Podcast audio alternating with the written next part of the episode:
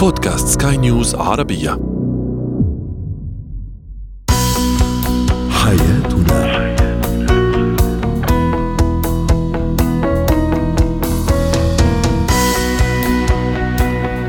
مستمعينا الكرام أهلا بكم معنا إلى حياتنا فضاؤكم اليومي الذي يعنى بشؤون الأسرة وباقي الشؤون الحياتية الأخرى والذي يمكنكم الاستماع إليه عبر منصة Sky News Arabia dot com slash podcast وباقي منصات سكاي نيوز العربية الأخرى. شاركونا عبر رقم الواتساب 00 971 561 88 62 23 معي أنا آمال شاب. اليوم نتحدث عن الزوج الأسرة أو عن الشريكين عندما آه، يقع الشريكان تحت ضغط طفل مريض في البيت. البيت أو طفل أيضا من ذوي الاحتياجات الخاصة. كيف تكون هذه العلاقة؟ هل تتأثر سلبا أم إيجابا؟ أيضا في فقرة زينة الحياة سنتساءل ونسلط الضوء على كيفية تدريب الطفل وتعليمه على إدارة الوقت. وأخيرا بما أننا في فصل الصيف حديث عن إتيكيت ارتياد البحر والمسبح. هو وهي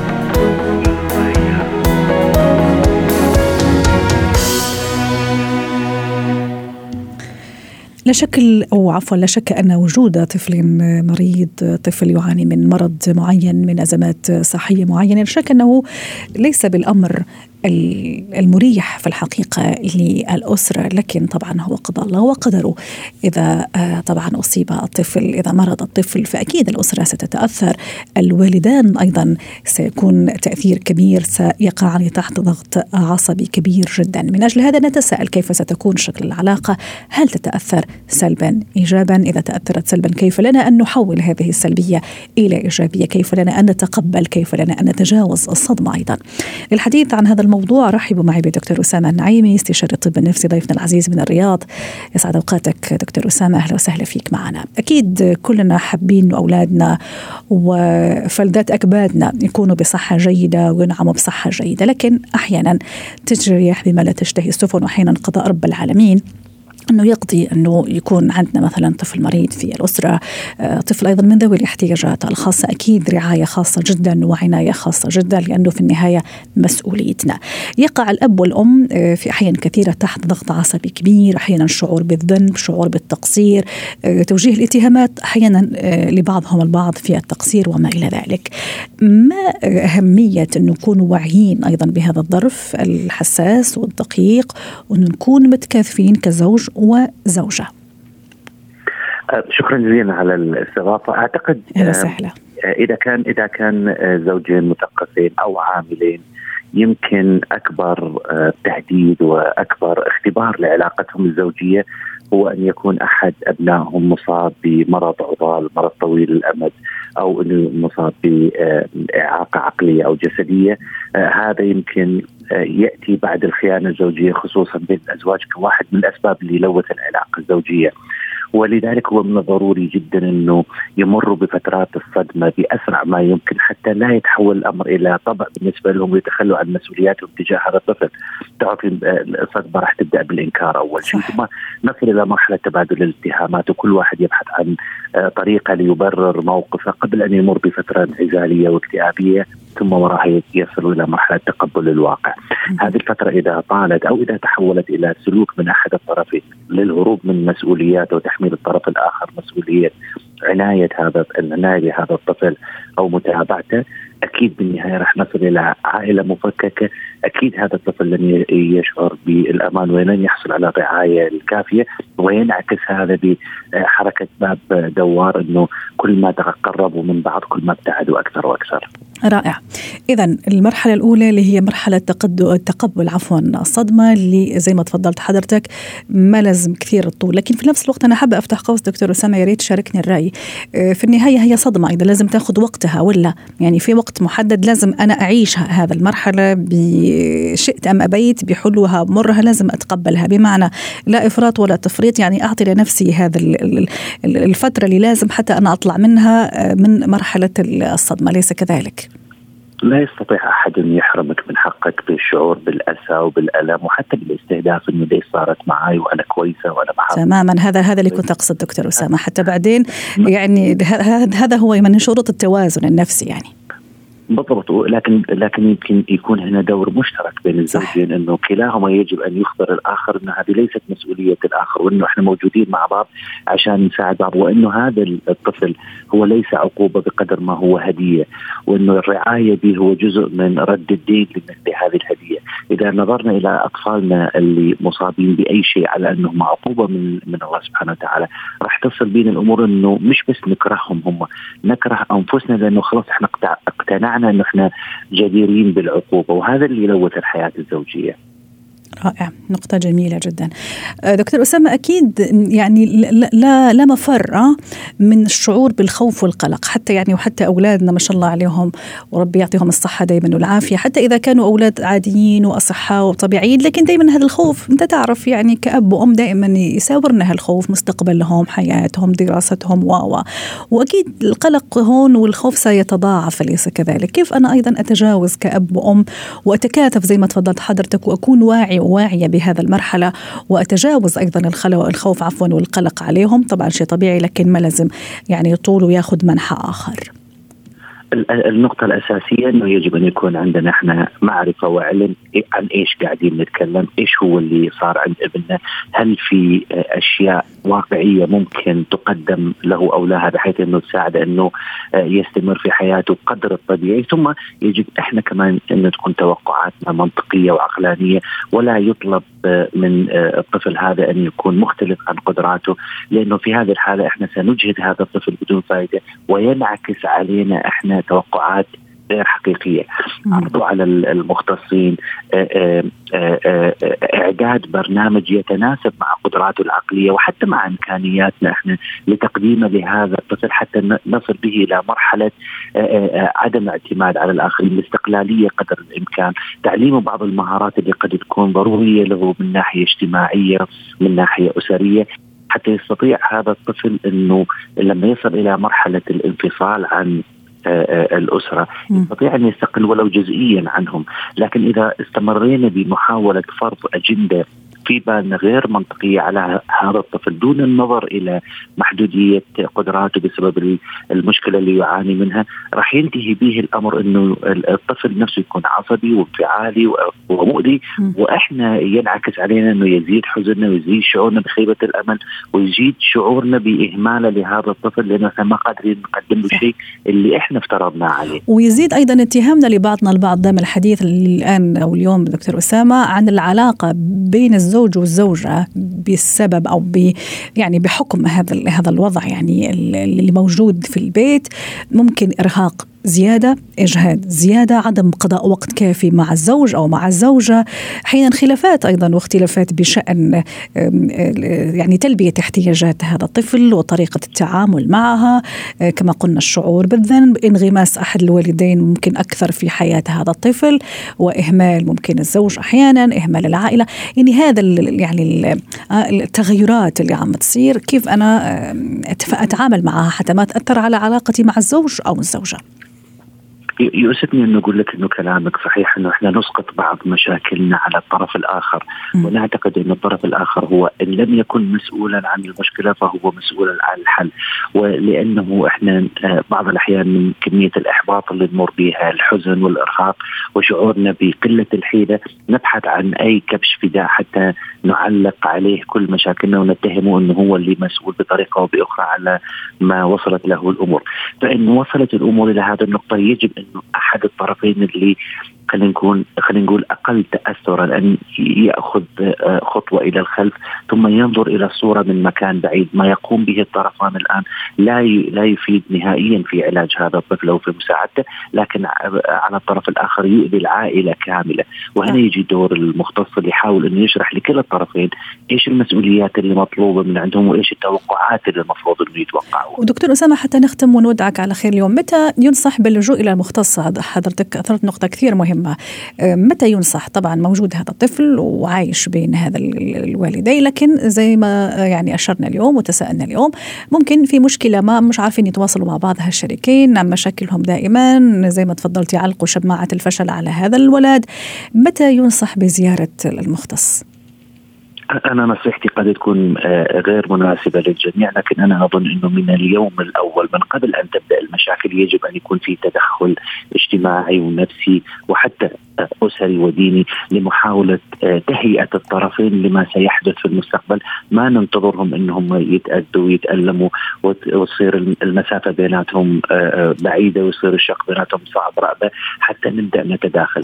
من بداية ما تبدأ عملية الولادة وتكتشف طبيبة الولادة أو طبيب الولادة انه الطفل هذا ربما يكون يعاني من شيء أو عند عرضه على طبيب وتشخيص يجب مباشرة تحويل الأسرة كاملة الأب والأم وحتى بعض الأبناء المشاركين في التربية إلى مختص وتهيئتهم ثم طرح البرامج التنموية العلاجية الإدراكية اللي ممكن تساعد هذا الطفل وتدريب الأهل عليه بحيث انه هم ممكن يساعدوا الجهات الصحية والجهات الاجتماعية إنه تستمر معهم. لو تركنا الأمر للأهل يمكن ما راح توصل الأمور إلا بعد ما يعلى الصوت. ضيفنا العزيز دكتور أسامة نعيمي ضيفنا من الرياض يعطيك العافية وشكرا لك. زينة الحياة.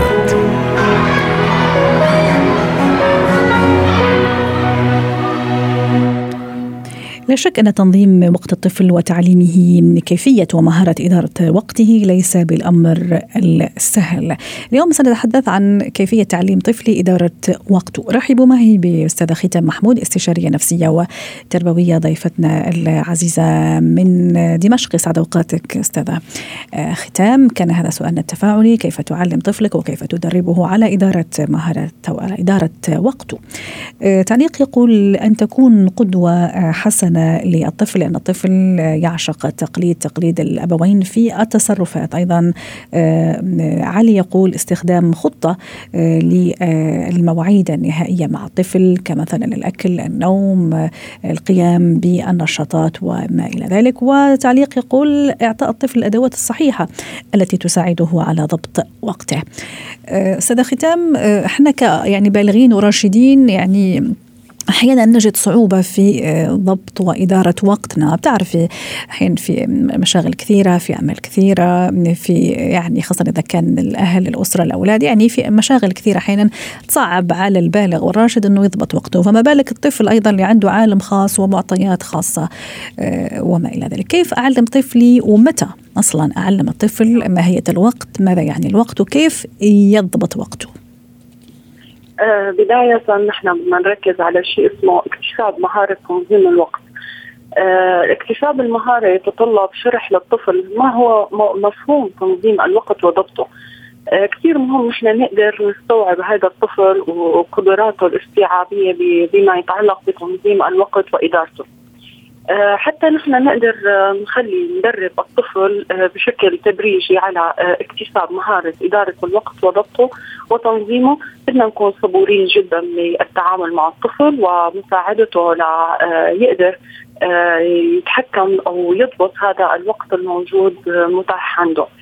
الطفل هو بدي مثل عليه إنه هو كعجين. نحن بمجتمعاتنا كثير بنعرف الأسرة مثل ما بتأسس هذا الطفل فهو بيكون نتاج هي آه، التربية أو التنشئة الاجتماعية. آه، نحن قادرين نحن نعلم الطفل آه، تعليمه وإكسابه مهارة تنظيم الوقت وإدارته عن طريق مساعدته في تحديد الأوقات المهمة بالنسبة له كطفل. كيف قادر هي الأوقات وإدارة المهام الموجودة اليومية عن طريق جدول وقتي. نعلمه كيف يصمم هذا الجدول ونساعده تدريجيا كيف هو يصمم الجدول.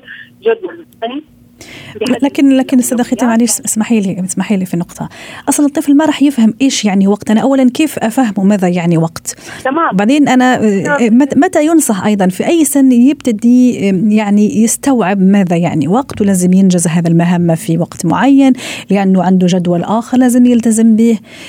متى بالضبط؟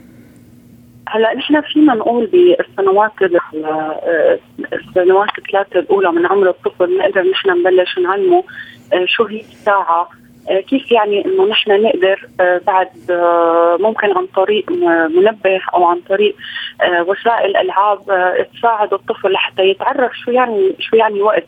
هو الطفل ما بيعرف إنه هذا شيء نحن بنعرفه كلنا إنه الساعة هي شو.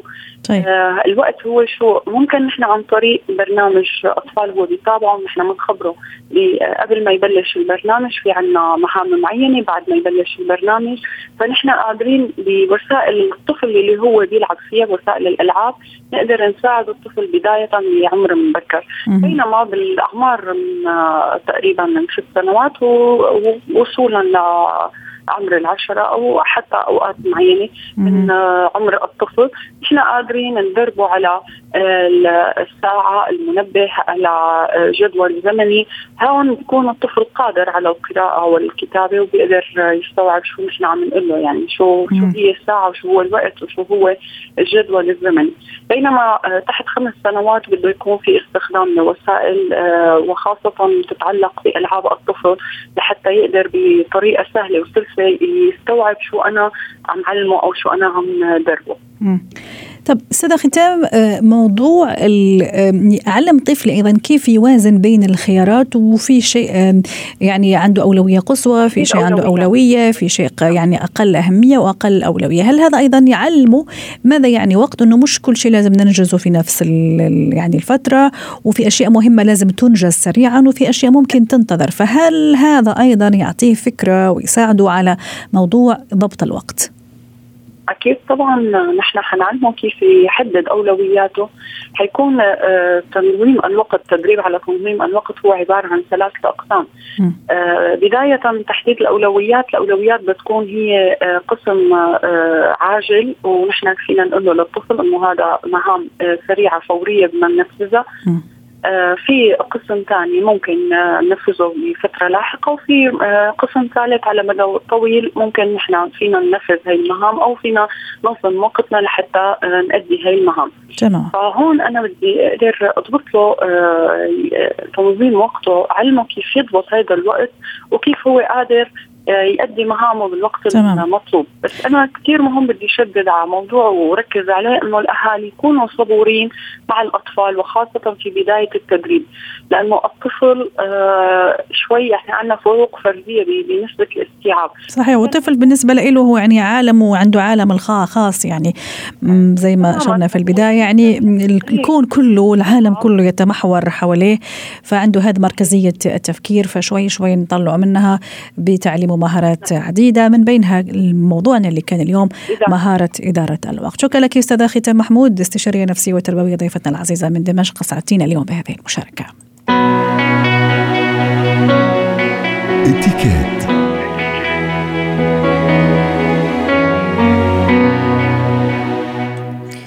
اليوم في اتيكيت حديث عن اتيكيت ارتياد البحر والمسابح. طبعا هي أماكن عامة ودائما نشدد ونركز على انه الأماكن العامة. وحتى أيضا في بيوتنا لازم آه، تكون عندنا يعني آداب وذوق واتيكيت في التعامل. أحيانا مش أحيانا لازم مع أنفسنا ثم مع الآخرين.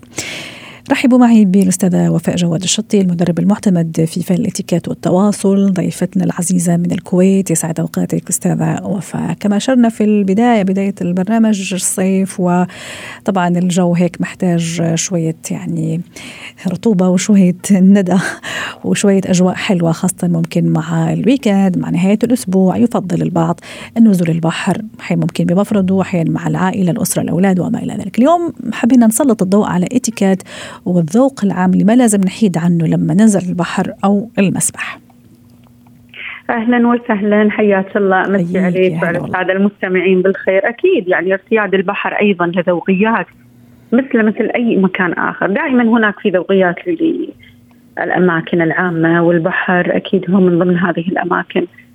فيعني التعامل بآداب ضروري كثير خصوصا أن هذا المكان ملك للجميع هي مساحة مفتوحة صح. ملك للجميع يكون هناك فيها الكثير من الأعمار الكثير من آه، الجنسيات قد تكون آه، مكان للراحة مكان إن إحنا نقضي فيه أوقات جميلة مع أسرتنا أو حتى نكون مع أنفسنا يعني صحيح. ما يكون هناك معنا أحد ثاني فلازم نعرف شلون نتعامل مع هذه الأماكن.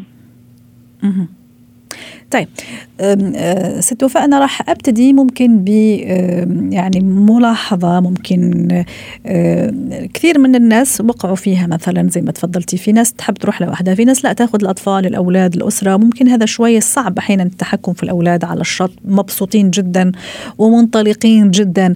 ممكن يعملوا شوية إزعاج للناس المرتدية البحر الناس اللي جاية لوحدها الناس اللي حابة هدوء زي ما تفضلتي. فكيف أنا أتصرف؟ كيف أكون أم مسؤولة وأب مسؤول عن هذا الأولاد ما نعمل إزعاج في البحر وفي نفس الوقت نقضي أوقات ممتعة. شوفي يعني أن إحنا نتحكم في الطفل في هذه الأماكن هذا شيء يعني جدا صعب. وأنا ما أحبذ أمانة لأن خصوصا شوفي في الوقت الحالي الأغلبية يسكنون في شقق. فالمساحة كثير صغيرة. فالطفل ينتظر إنه يطلع للحديقة للبحر عشان يكون متنفس وياخذ راحته في اللعب. طيب.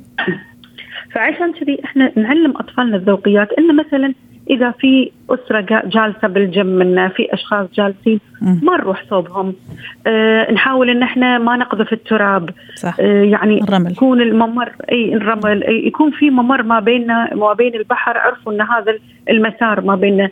لا تستعدون على الأسر اللي قاعدة لا تطوفون من الجنب لا تطوفون من الوسط.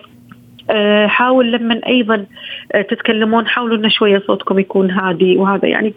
أعلمهم إن آه، احترام الآخرين ولكن ما أمنعهم. ما تقدرين تمنعين الطفل إنه لا تصرخ لا تلعب لا تركض لا يعني صحيح. ما أصبح هذا المكان يعني مكان للترفيه. صحيح. وفي نفس الوقت أيضا حتى ما يعمل إزعاج للتانيين وللكبار. وحتى أحيانا أيضا الكبار سيده وفاء أحيانا نشوف في بعض التصرفات فعلا المزعجة زي ما تفضلتي ممكن الصوت المرتفع أحيانا الميوزك أو الموسيقى الكثير يعني مرة عالية. ممكن أحيانا تعمل إزعاج. نفض المناشف أحيانا. تشوفي شخص ممكن راجع من من المية بده ينظف أو بدها تنظف المنشفة ممكن تقوم يعني تنفضها أمام الناس ممكن تعمل شوية إزعاج فهذه اتصور من الأشياء اللي لازم نلتزم فيها. هذه لازم كثير إحنا ننتبه لها. يعني حتى إذا أبي أنفض السجادة اللي أنا مثلا قاعدة عليها المناشف هذه لازم أروح بعيد عن الناس وأبتدي أنفضها بحيث إني أنا ما أزعج أيضا الآخرين.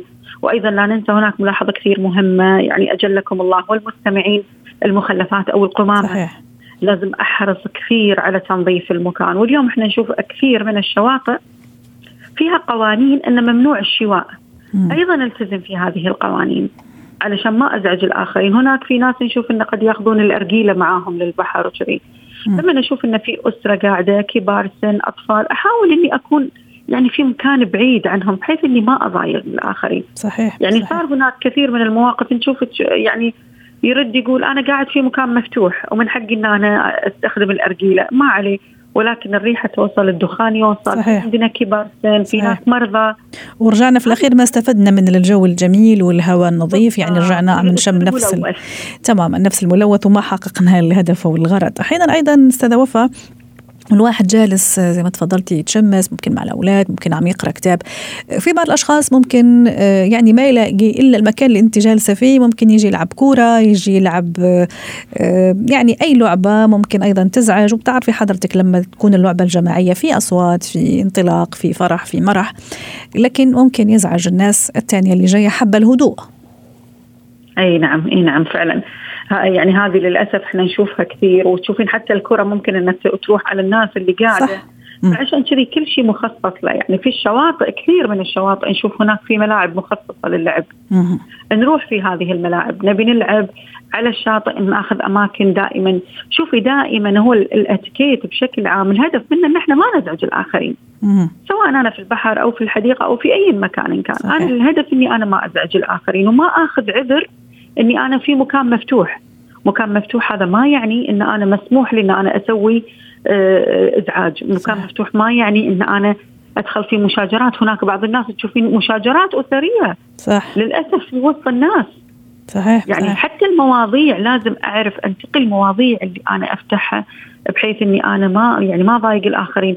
ما أتطرق للعنصرية وللجنسيات. والله أنا قاعدة في مكان مفتوح ممكن في جنسية أخرى تسمعني. صحيح. ما نبي نضايق الناس. وما يكون أيضا الفضول والتحديق في الناس ومراقبة الناس في النهاية هذا المكان. زي ما قلنا في البداية واحد جاي كذا يحب الهدوء راحه سكينه فتصور يعني تشوفي مثلا ناس فعلا عندها فضول تعرف أنت ممكن شو رح تاكلي أنت شو لابسة أنت فهذه فهذه أيضا فيها شوية إزعاج. وأيضا في بعض الناس ما أدري ممكن حتى والواحد في المي ممكن يغطس بطريقة مزعجة ممكن يعمل صوت ممكن يلعب في الكرة جوا المي والكرة المش المخصصه للمي لأنه في كرات مخصصة للبحر يعني اللي هي خفيفة يعني حتى نعم. إذا يعني سمح الله يعني ممكن ضربك فيها ما, ما, ما راح تعمل مشكلة.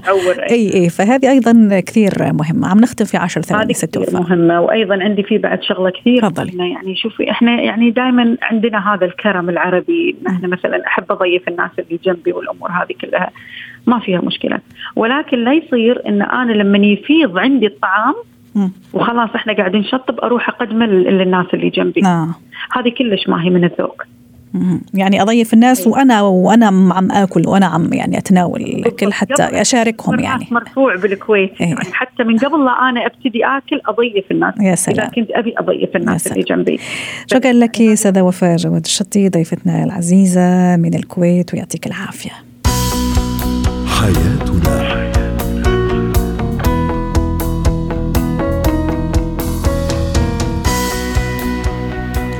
ختم حلقة اليوم من حياتنا. شكرا لكم وإلى اللقاء. حياتنا.